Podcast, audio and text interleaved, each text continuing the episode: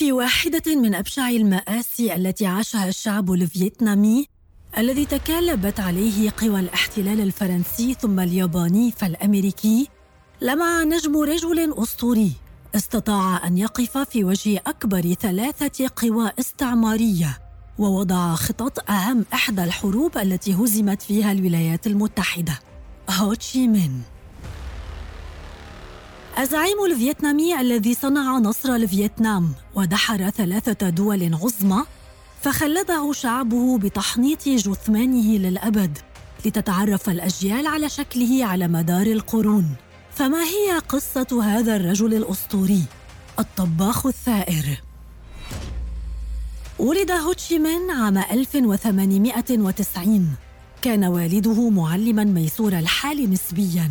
إلى أن جعل الفرنسيون اللغة الفرنسية لغة التعليم في البلاد. رفض الدراسة في المدارس الفرنسية وبسبب نشاطاته ضد الاحتلال لم يستطع الانضمام للمدارس المحلية فاضطر مجبرا للسفر إلى فرنسا لاستكمال تعليمه. ولتأمين نفقات سفره عمل طباخا على متن السفينة التي استقلها للوصول إلى مرسيليا التي رفضت فيها كل طلباته للتعليم. فأبحر عائدا إلى نيويورك وامتهن مهنة الطبخ. وبدأ من هناك عمله السياسي بعد أن تواصل مع قوميين فيتناميين. ومن هناك سافر إلى بريطانيا ليعود منها إلى فرنسا عام 1919 محملا بأفكار القوميين التي جمعها من اختلاطه بنزلاء الفنادق التي عمل فيها.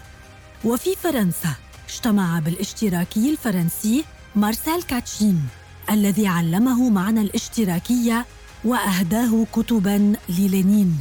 فولد منذ ذلك الوقت إيمان هوتشي بالشيوعية وبأنها سبيل الشعب الفيتنامي للحرية ورفع الظلم. فأسس الحزب الشيوعي بفرنسا وبدأ كفاحه ضد محتله من أرض المحتل نفسها. لكنه كان كفاحا سلميا وبرز اسمه كممثل رسمي للحزب الشيوعي الفرنسي في المحافل الدولية والناطق باسم الصحف الفرنسية والعالمية. وأخذ يكتب عن جرائم الفرنسيين بحق الشعب الفيتنامي ثم أسس صحيفته الخاصة. تناول فيها ممارسات الفرنسيين بحق شعبه والشعوب الأخرى التي تحتل فرنسا أراضيها.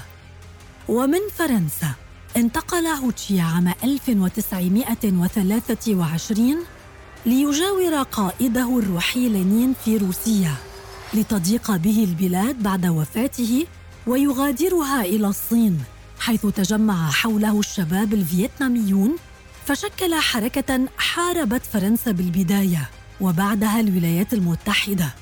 ولم تكن إقامته في الصين هانئة رغم أنه تزوج وقرر الاستقرار فيها.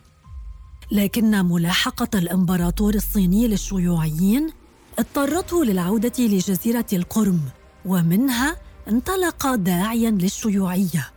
ووصل المطاف به إلى هونغ كونغ عام 1929 لكن تحركاته ضد الفرنسيين خلال ثلاثة أعوام قضاها في هونغ كونغ أغضبت السلطات التي اعتقلته لعام كامل ثم حصل على إطلاق سراح مشروط بمغادرته إلى روسيا.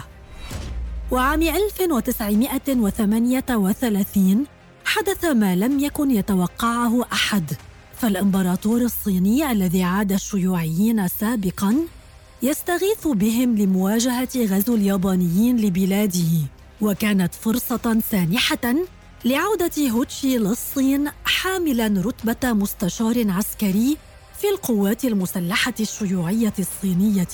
وبينما كان طوال فترات حياته السابقة حاملا رتبة مستشار عسكري في القوات المسلحة الشيوعية الصينية. بطل أسطوري. اندلاع الحرب العالمية الثانية وسقوط فرنسا بيد الألمان عام 1940 كانت الفرصة السانحة لهوتشي ورفاقه للانتفاضة ضد مستعمرهم وإعلان ثورتهم عليه مستغلين فترة ضعفه لكن الرياح لم تجري كما تشتهي سفنهم. إذ احتلت اليابان فيتنام وأعلن اليابانيون تحالفهم مع الفرنسيين. وهنا قرر هوتشي العودة إلى وطنه فقد آن أوان الكفاح الحقيقي بالرصاص لا بالكلمات. وقرر خوض حرب عصابات ضد التحالف الفرنسي الياباني والتف حوله ما يناهز عشرة آلاف رجل. وترجم التكتيكات الحربية الصينية للغة الفيتنامية وعلمها لجنوده الذين احترف معهم حرب العصابات. لكنه وفي عام 1942 اضطر للمغادرة إلى الصين فاعتقله الصينيون وسجنوه عاما واحدا. خرج بعدها ليكمل ثورته بزخم أكبر ليستولي مع رفاقه على مدينة هانوي ويعلنها عاصمة له. ومنها أعلن ولادة جمهورية فيتنام الديمقراطية برئاسته. الإعلان الذي أشعل غضب الفرنسيين ففرضوا الأحكام العرفية بالبلاد وبدأوا حملة قمع ساعدهم فيها الإمبراطور الصيني الذي أمدهم بمئتي ألف جندي. كانوا بمثابة ضربة موجعة لفيتنام والشيوعيين. إذ اضطر هوتشي ورفاقه للتراجع أمام الأعداد الهائلة التي اجتمعت ضدهم واستجاب لشروط الفرنسيين الذين منحوه استقلال بلده بشرط أن يكون تحت حمايتهم. وبذلك تخلص من الصينيين لكنه وقع تحت رحمة الفرنسيين ووحشيتهم ضد شعبه. وكانت الشعرة التي قسمت ظهر البعير قصف فرنسا لمدينة هيفونغ التي كتبت نهاية الوجود الفرنسي في فيتنام. خاصة أن هذه الجريمة تزامنت مع اندلاع الثورة الشيوعية في الصين التي باتت حليفة الفيتناميين للفرنسيين. فعاد هوتشي ورفاقه إلى حرب العصابات التي أمده فيها ستالين بالسلاح. بينما ساعده الرئيس الصيني ماو تسي كونغ بسبعين ألف جندي لتبلغ خسارة فرنسا في الفيتنام مع حلول عام 1954 عشرات الآلاف بين قتيل وجريح وأسير. ما اضطرها للانسحاب من فيتنام التي انقسمت بعد تحريرها إلى دولتين جنوبية رأسمالية وشمالية شيوعية. وصمة في التاريخ الأمريكي. ترأس هوتشي فيتنام الشمالية لكنه كان دائما يسعى لتوحيد الدولتين وعمل على ذلك بمساعدة رفاق له في القسم الجنوبي من فيتنام. وبعد سنوات من الصراع قرر زعيم فيتنام الجنوبية التصالح وتوحيد البلدين.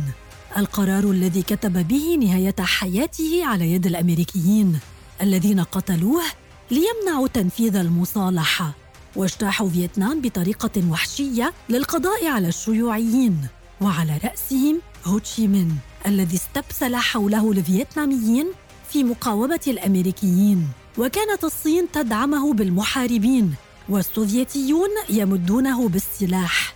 وبالفعل اقترب النصر من الفيتناميين لكن المرض أنهك جسد قائدهم وأشجع رجالهم وملهمهم الروحي هوتشي مين فلم يعد يستطيع المشاركة بالمعارك على الأرض لكن ذلك لم يثنه عن وضع الخطط وتشجيع الفيتناميين عبر الخطابات في الإذاعة وحثهم على الصمود على النصر. وكانت لكلماته الرنانة ووقوفه المعنوي التأثير كالسلاح في نفوس الفيتناميين. لتنتهي حرب الفيتنام عام 1975 بتحرير الأراضي الفيتنامية. لكن هوتشي مين لم تكتب له رؤية هذه اللحظة التاريخية إذ إن الموت كان قد اختطفه عام 1969 وتخليدا لذكراه حنط الفيتناميون جثته واحتفظوا بها في تابوت فخم في مدينة هانوي كما أطلقوا اسمه على مدينة سايغون عاصمة الرأسماليين سابقاً. ومنذ عام 1975 بدأت السلطات الفيتنامية بعرض جثمانه المحنط للعامة والذي لا يزال بحالة جيدة رغم مرور أكثر من خمسين عاماً على وفاة البطل الأسطوري الذي تفانى منذ نعومة أظافره في الدفاع عن حرية شعبه وأفكاره والمحارب الذي تجاوز صيته لفيتنام إذ رثاه الشاعر المصري أحمد فؤاد نجم في قصيدة قال فيها صاح السلاح في الحرس. قال هوتشيمن مات. الزاهد الذي حكم ضد الهوى والذات والحاكم الذي زهد في الملك واللذات. هكذا خلد هوتشيمن بطلا يمجده الفيتناميون وغيرهم من الشعوب التي عرفت تاريخه وبطولاته.